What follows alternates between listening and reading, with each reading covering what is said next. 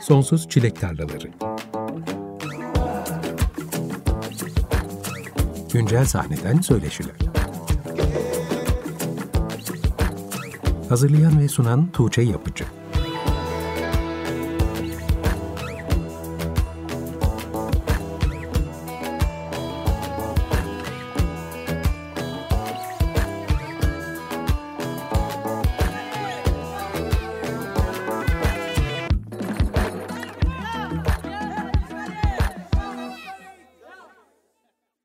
95.0 Açık Radyo'da Sonsuz Çilek Tarlaları programından herkese merhaba. Ben Tuğçe Yapıcı.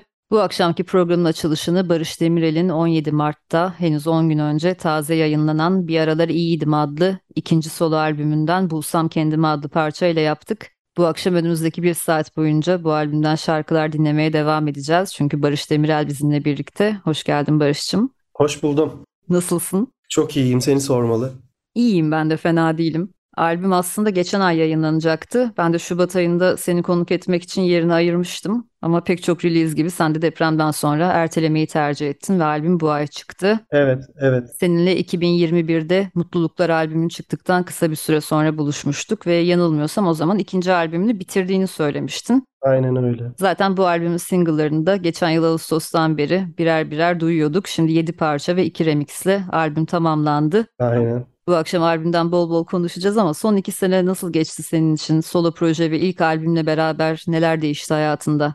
Nasıl geçti? Ya iyi geçti. Açıkçası işte Mutluluklar albümünü yaptıktan sonra bir solo kariyer başladı ve dolayısıyla bu aynı zamanda hani sadece artık bir trompetçi değil, trompetçi şarkı yazarı halinde şarkıcı olarak bir yandan devam etmeye başlayan bir kariyer başladı. Fakat bununla beraber aslında eve bir stüdyo kurdum. Bu eve stüdyoyu kurunca da kendi prodüksiyonlarımı yapmaya başladım. Bayağı bir kurcaladım, ettim falan derken ya baktım ben bu odadan çıkmıyorum. Dolayısıyla da birinci albümü teslim eder etmez, daha doğrusu çıkar çıkmaz o.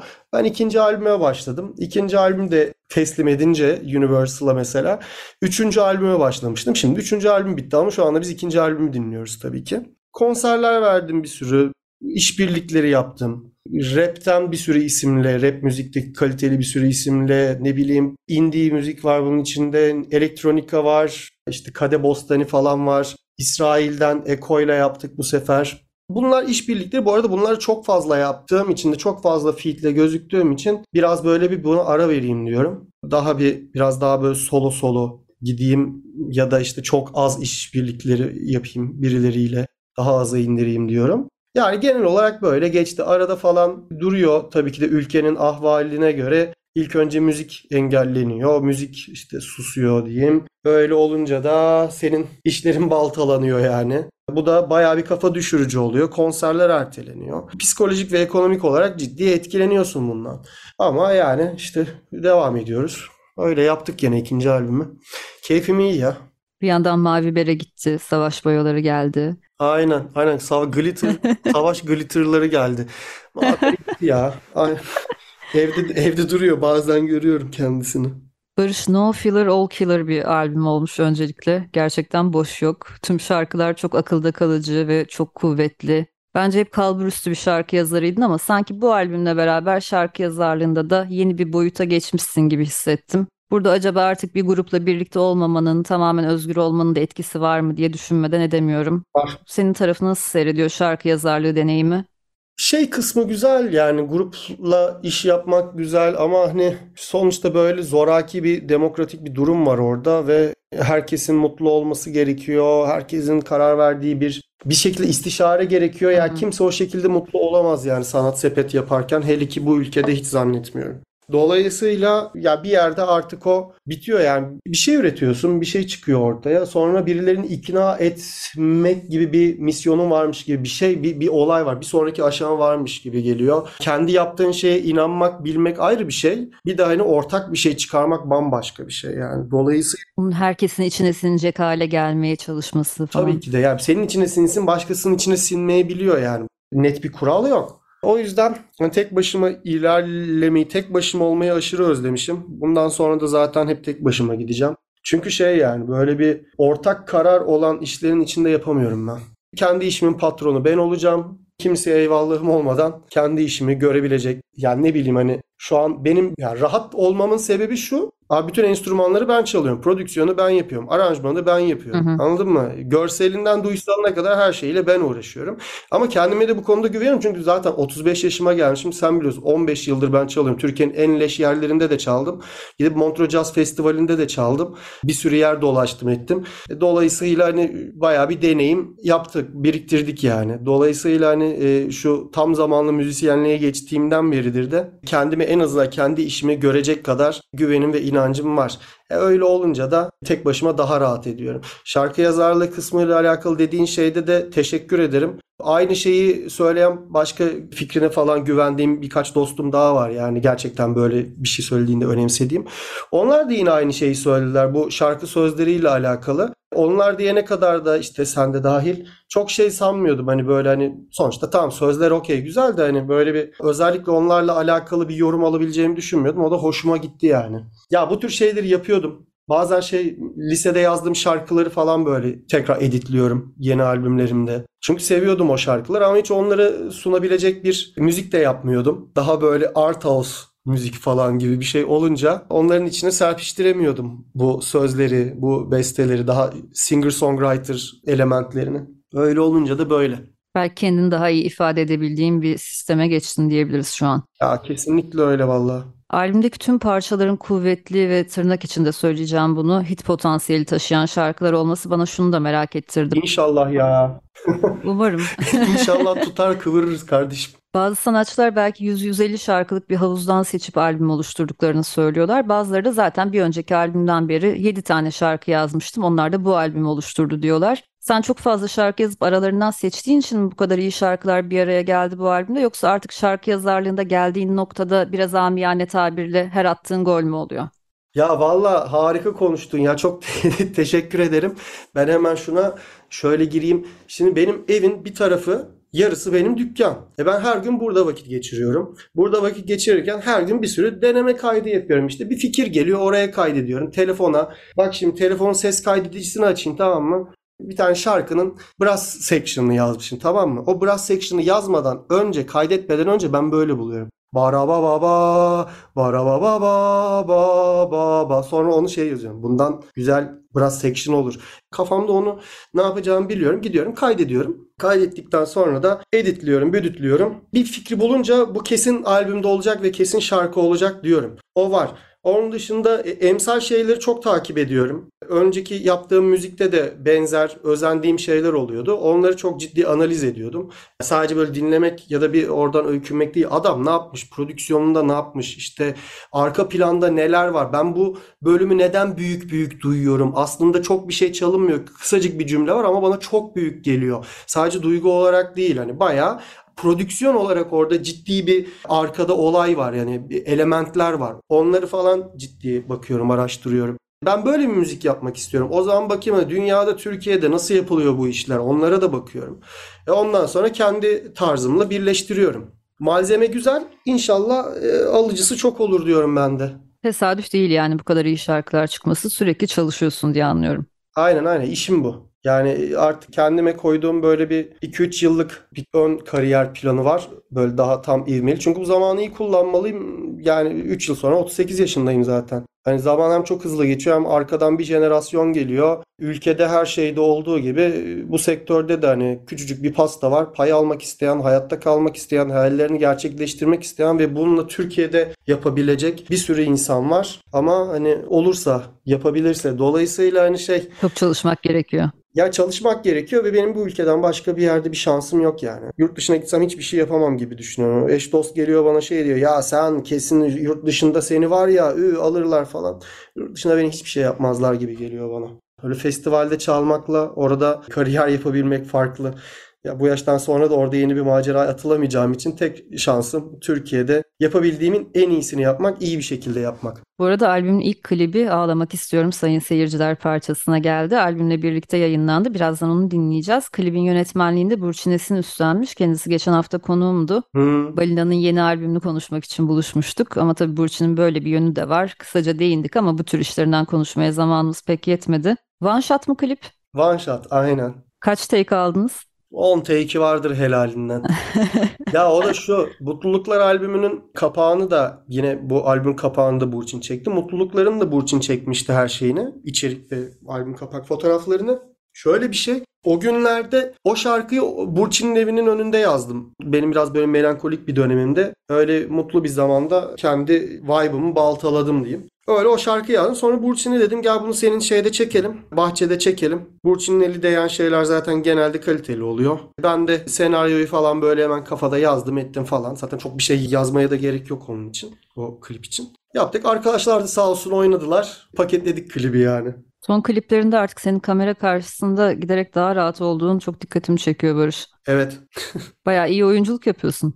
Ya bugün sabah düşünüyordum. Ya şey var zaten hani dışa dönük biriyim hani o tür konularda kendimi kasmam etmem yani. Yapamıyorsam da yapamıyorumdur da. Şey durumu var. İki katı hızla çekince sonra yavaşlatınca daha bir böyle havalı gözüküyor klipler. Dolayısıyla o klipte gördüğün şey de tam gerçek zamanlı söylüyormuşum gibi ama yavaş çekimde gözüküyor aslında her şey. Dolayısıyla öyle bir klibin havası da çok cool bir şekilde gözüküyor. Hmm. Acaba gerçek zaman hani direkt hiç böyle yavaşlatılmadan bir çekim olsa öyle gözükecek miyim bilmiyorum. Yani iyi ekmeğini yedin Barış falan diyorum şey bu yavaşlatmanın. Yemedik de işte. Güzel gözüküyor en azından. En azından doğru yöntemi bulmuşsunuz. Aynen aynen. Ya bir daha nereye kadar öyle yapacağım bilmiyorum. Bir tane daha klip çektik şimdi Bolonya'da. Onda da yine böyle iki katı falan hızlandırıp şarkıyı sonradan yavaşlatırız diye o teknikle yapalım dedi. O tekniğin adı ne ya? Bunu Burçin'e sor. Yok ya Burçin'e de ben dedim böyle çalışalım dedim. Başka kliplerimde öyle çalıştığım şeyler oldu, şarkılar oldu. Dolayısıyla Burçin dedim. Bir de kısa sürüyor öyle çekince. 3 dakikalık şarkı 1,5 dakikada çekiyorsun. Bu Bolonya'da çektiğiniz klipte yine bu albümün şarkılarından biri içindi. Aynen aynen Yokki'ye çektik. Onu da herhalde çok ara vermeden yayınlarsın diye düşünüyorum. Ay, Vallahi 7 Nisan'da yayınlamak istiyorum. Çok yakın o zaman. Hemen kavuşacağız. Aynen aynen ya. O zaman şimdi albümden iki şarkı dinleyelim. Birisi zaten şimdi bahsettiğimiz Ağlamak İstiyorum sayın seyirciler. Diğeri de Gönül Yoldaşını Bulur. Albümden önce dinlediğimiz single'lardan biriydi. Artık ezberledik zaten Gönül Yoldaşını Bulur'u. Radyoda da defalarca çaldık ama bir defa daha dinleyelim bu akşam albümün şerefine. Sonrasında Barış'la sohbetimize kaldığımız yerden devam edelim. Bu arada ağlamak istiyorum sayın seyirciler. Şimdi benim en çok bilinen şarkı Kakülünde Ak Oldum olduğu için bu şarkı da aynı kişiye yazıldı. Ha, o da not. Hani ilgilisi varsa Merak eden varsa Aynen. notumuzu düşelim ve şimdi iki şarkıyı dinleyelim. Açık Radyo'da Sonsuz Çilek Tarlaları programı devam ediyor. Barış Demirel'den iki şarkı dinledik. Ağlamak istiyorum sayın seyirciler ve Gönül Yoldaşını Bulur isimli şarkılardı bunlar. Her ikisi de Barış'ın yeni albümünde yer alıyor. Barış bu akşam bizimle birlikte. Bu albümü Da Poet'in stüdyosunda ve senin ev stüdyonda Hı hı. birlikte kaydetmişsiniz. Prodüktörlüğünü de birlikte üstlenmişsiniz sanırım. Bir Hı hı. önceki albüm gibi aynı. evet. Evet, bu memnunsunuz birlikte çalışmaktan ki aynı şekilde devam ediyorsunuz. Ya öyle oldu. Da Poet'le e, çok fazla iş yaptık. Yani özellikle pandemi öncesi zaten 2018-19 gibi böyle birlikte işler yapmaya başlamıştık. Hani sen biliyorsun işte single'lar falan bir şeyler. Canlı performanslar. Evet evet öyle ufak ufak hatta senin de müzik direktörlüğünü yaptığın zamanlarda o mekanda da yapmıştık bir konser. Pandemiyle beraber aslında Ozan kendi plak şirketini kurdu. Bizim işte ortak projemiz vardı. Ozan'ın albümünü yapıyorduk bir yandan. Yani o albüm benim için çok özel zaten Da Poet'in son albümü. Neyse işte onu falan yaparken benim albüm o ara pandemide işte bazı böyle çıtır çerez filmler falan çıktı. Onlara işte film müziği yaptık. En azından ekmek oldu. Bazı reklam müzikleri falan da oldu. Onlar da iyi oldu. Dolayısıyla başkalarının prodüksiyonları da derken kendi al- albümlerimizi de yapmaya başladık beraber. Yani ben işte beatleri falan böyle Ozan'a teslim ediyorum. Ozan diyorum hani şuna şöyle bir şey istiyorum. İşte taslakları falan götürüyorum. Zaten hani çoğu benim evde yapılmış oluyor. Sonra Ozan'a biraz da şuraya senin ustalığını istiyorum diyorum. Çalışması benim açımdan hayatımda çalıştığım, en rahat çalıştığım, tek severek çalıştığım e, insan belki de da poet olabilir. Hiç sorun yaşamadığım ve çok verim al- alabildiğim ortak işlerimizde da poettir.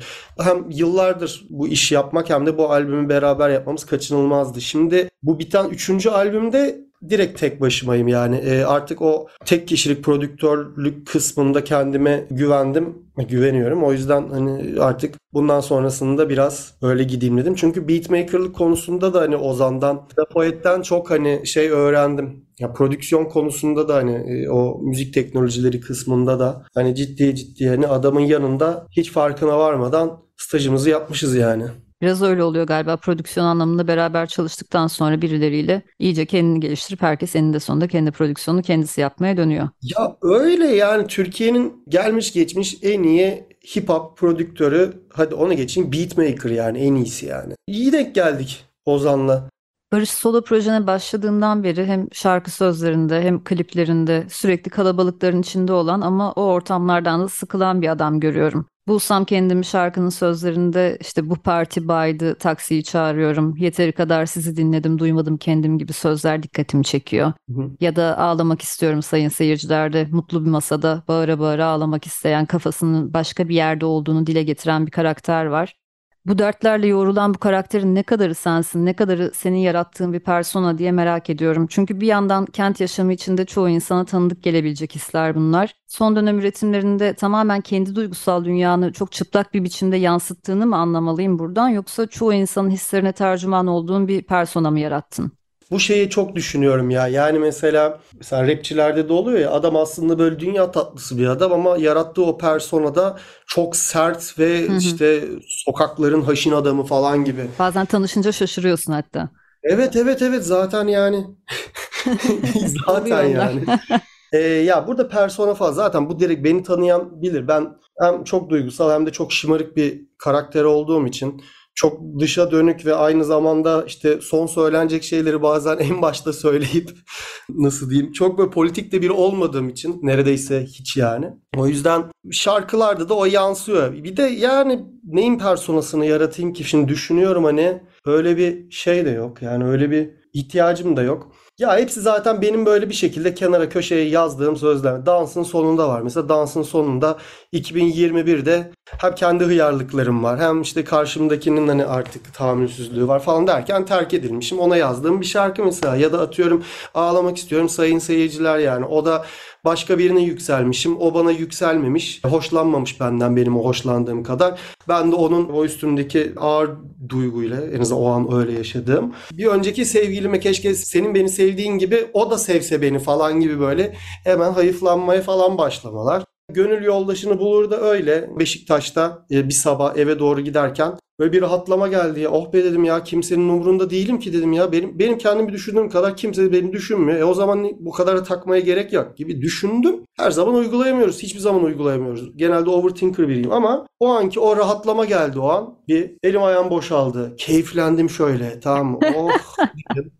Ondan sonra e, şey o gittim telefona not yazdım. Ya bütün şarkı sözlerini zaten telefona not yazıyorum. Sonra diyorum bunları bir editlemek lazım diyorum. Şarkı sözüne getirmek lazım. Bunun işte ne bir hece ölçüsü var, kafiyesi var, nakaratı var. O oluşturduğun şeylerden akılda kalıcı bir şey yaratman gerekiyor yani. Şarkının bir huku olmalı. Klasik olması gereken unsurlardan bahsediyorum. İşte ne bileyim kamufleyle olan düette kamufleye şey dedim. Abi dedim ben bu şarkıyı yaptım fakat söz yazamıyorum ve bir rapçi olsun istiyorum. Sen bir aşk şarkısı yazar mısın dedim. Kamufta çok sağ olsun kendi o zamanki duygularıyla yazdı. İşte ne bileyim başka ne hangi şarkı var?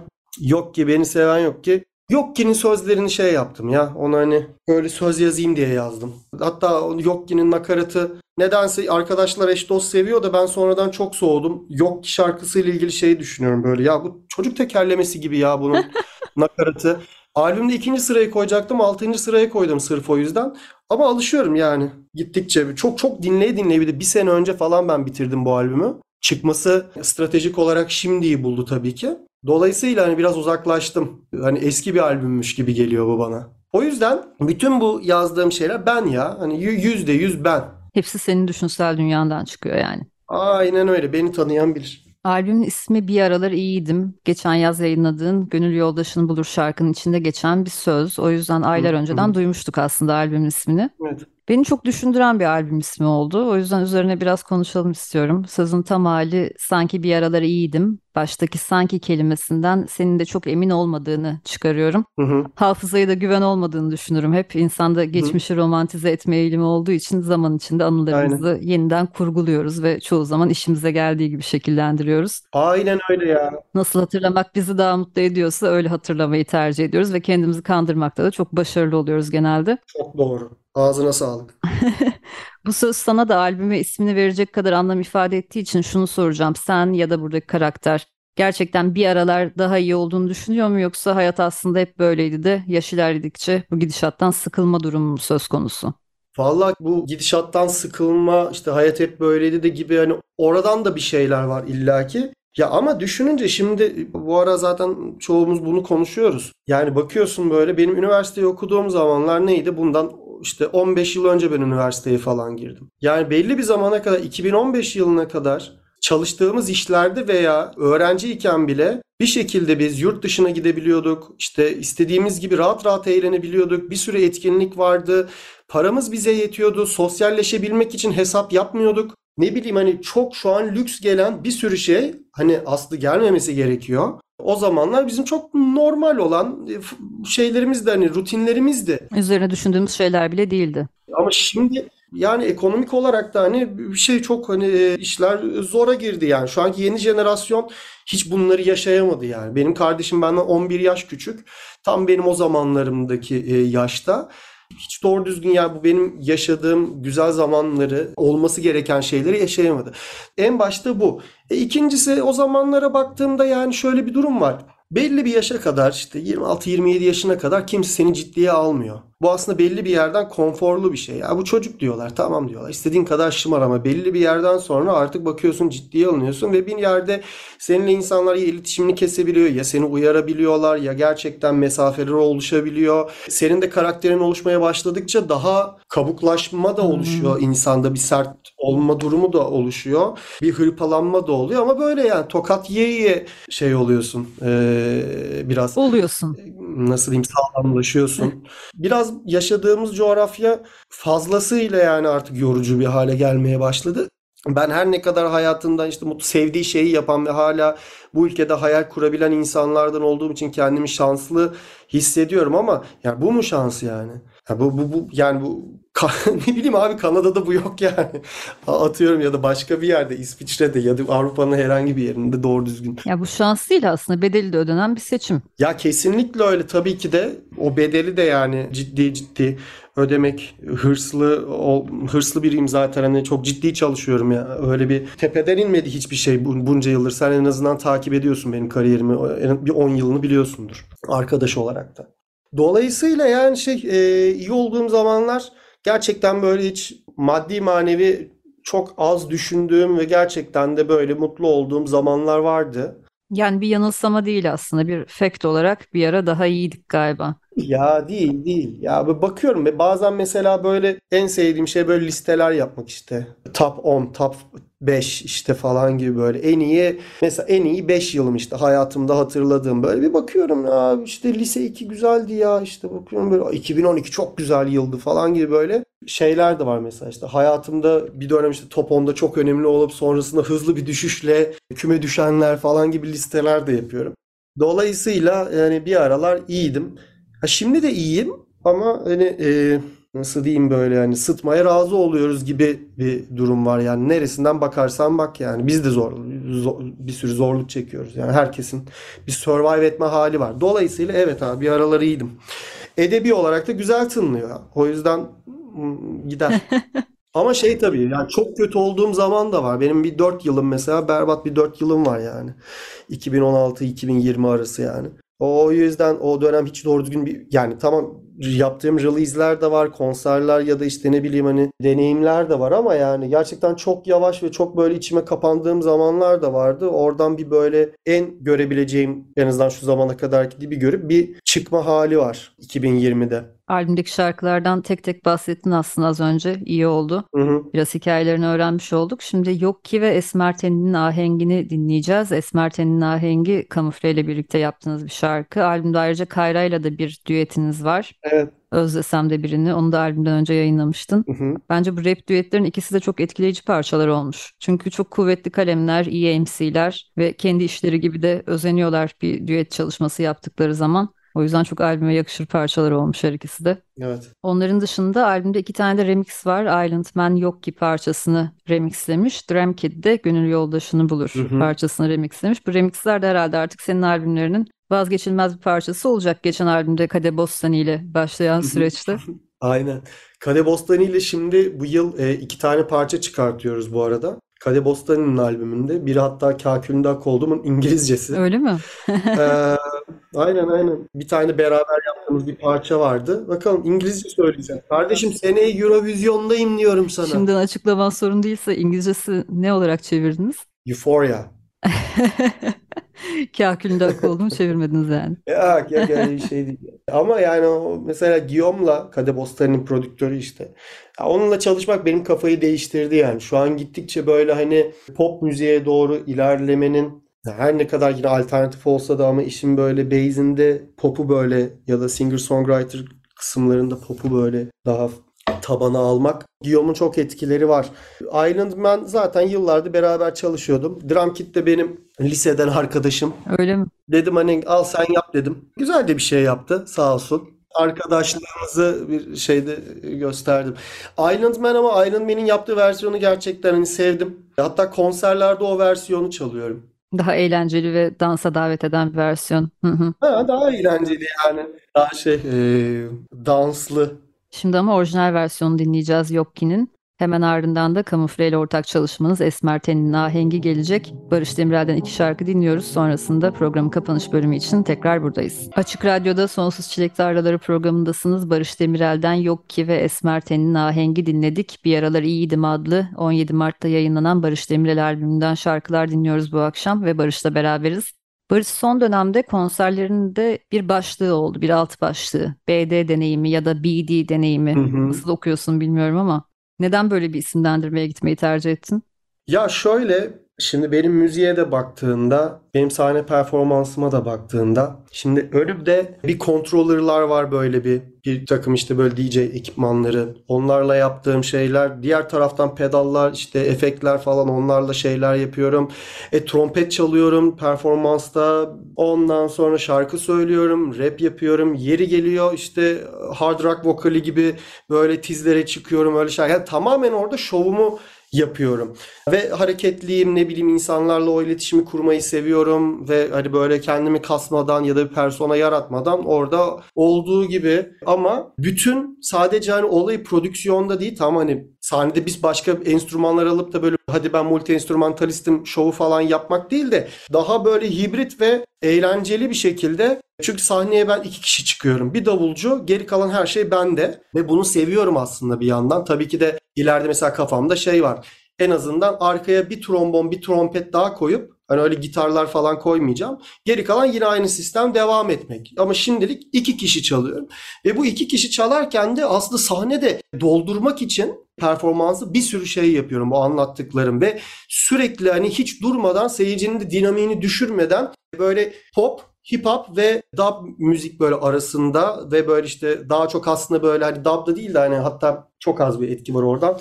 Daha böyle deep house şeylerin de olduğu bir böyle totalde eğlenceli işte coverların da olduğu bir deneyim yani. Çünkü ya bunun benzeri yok ya bunu ben yapıyorum. Ve bu şeyi seviyorum ya nasıl diyeyim insanlardan gelen tepkilerle beraber de ne bileyim ben tek başıma da çıkınca bunu yapıyorum. İki kişi de veya biriyle biri biraz daha kalabalık olunca da yine oluyor bu. Bir private etkinliğe de gidiyorum. Bir işbirliği de olabiliyor bir markayla ya da kendi konserimde sürekli insanlara o tek kişinin vibe'ı sürekli yukarıda tutmaya çalıştığı ve hani orada insanları da bunun içine aldığı, insanları içine çektiği bir deneyim aslında. Coverlarda da ilginç tercihlerim var. Artık seninle bütünleşen şarkılar var. Ha.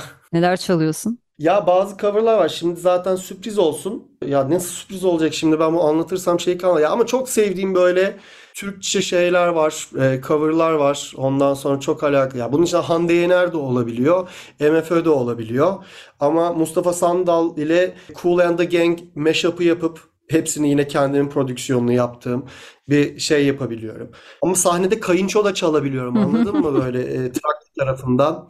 İşte ne bileyim hastası olduğum Sibel Alaş da çalabiliyorum. Ama o kadar geniş şey var ki yani elimde. Dolayısıyla anlatılmaz, dinlenilmez de yaşanır be.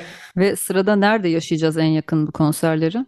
Şimdi 13 Nisan'da şu an gözüken 13 Nisan Salon İKSV var. Arada henüz daha belli olmayan tarihler de var ama 30 Nisan'da da e, Babilon'da var. İki tane İstanbul konseri önümüzde yani. İki tane var. Şimdi bu bahar yaz konserler olacak ya. Var ya şu an yakında duyuracağım hepsini tarihlerin. Yeni albümün hepsini dinleyebilecek miyiz konserlerde?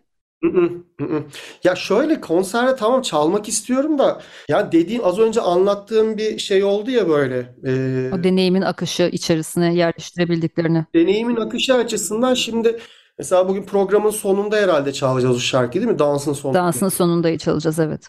Şimdi ben onu çok çalmak, çok seviyorum o şarkıyı ama çalamam herhalde ben onu konser çünkü çok düşük yani. Mesela şeyi bile ağlamak istiyorum sayın seyircileri konserde bir yere sıkıştırıyorum. Ama onun dışında gönül yoldaşını bulur. Yok ki bulsam kendimi. Bunlar güzel gidiyor. Bunlar hem chill vibe'lı hem Hı hı. böyle ya ferah ve groove'u olan şarkıları olunca akışın içinde güzel gidiyor. Çünkü bir yandan hem keyifli vakit geçirmenin dışında eğlenmek de istiyor yani insanlar. Bir de henüz daha o şarkıları böyle en düşük şarkıları bile çalacak kadar o kadar bilinmiyorum yani. Şarkılarımı bilen adam ne bileyim. Şimdi kanadı kırığı her yer her tarafta çalabilirim. Çünkü yıllardır çaldığım beni bilenin de bildiği bir parça. Ama diğer şarkılarımı bilmiyor ki adam.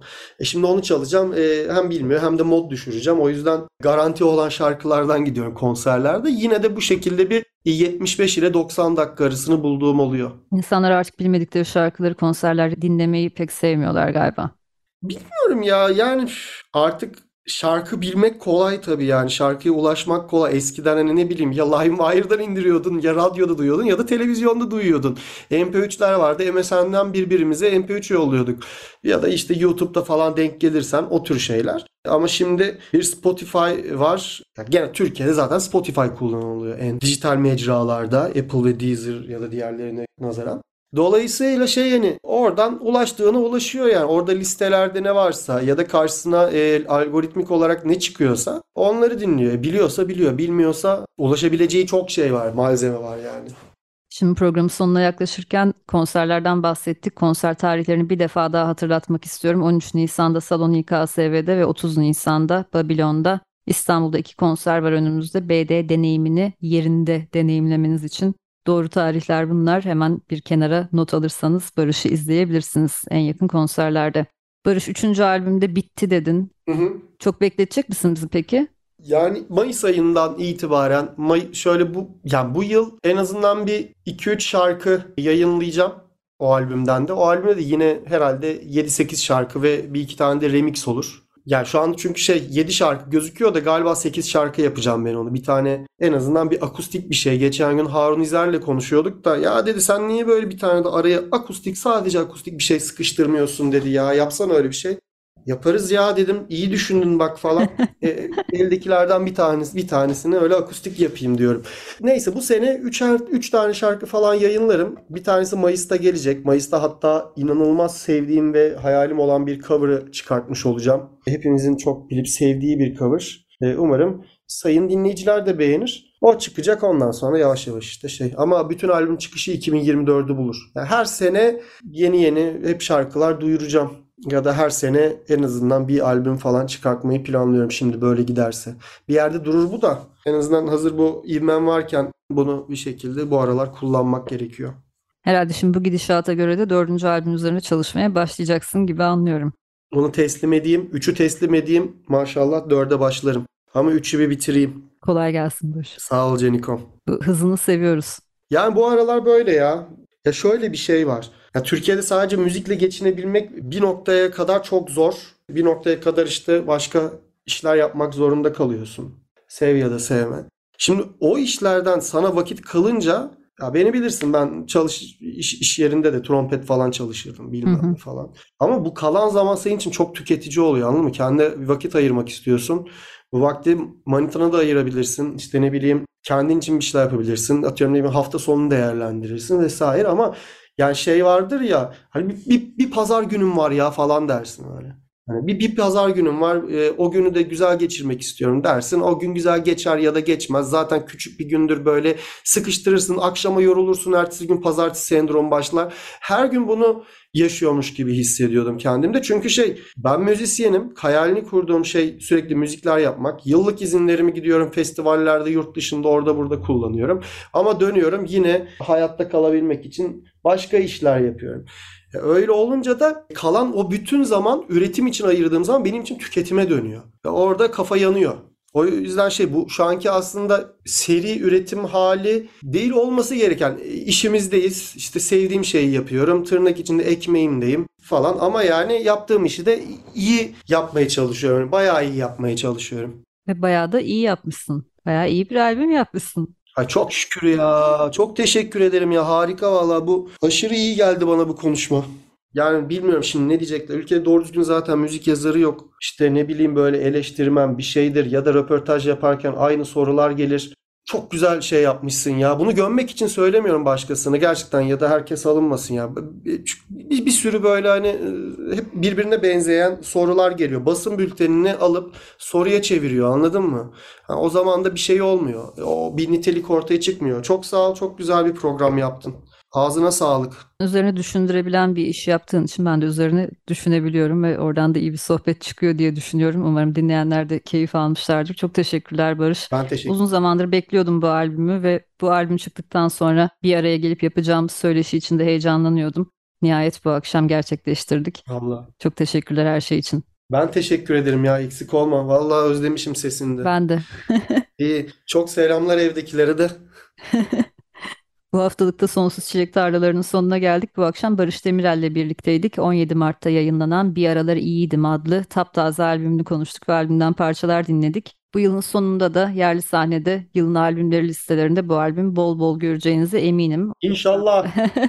O yüzden çok iyi bir albümü sizlerle buluşturmanın mutluluğu bir yana Barış'ı da çok özlemiştim. Yeni albüm vesilesiyle uzun uzun konuşma şansı bulduk. Böylelikle Mart ayında bitirmiş olduk. O yüzden birinci çeyrek seçkisi zamanı geldi. Gelecek hafta yılın ilk çeyreğinde yerli sahnede yayınlanan kayıtlara bakacağız. Bu akşamlık size yine Barış Demirel'in albümünden Dansın Sonunda adlı parçayla veda ediyoruz. Haftaya pazartesi saat 20'de Açık Radyo'da görüşünceye kadar hoşçakalın.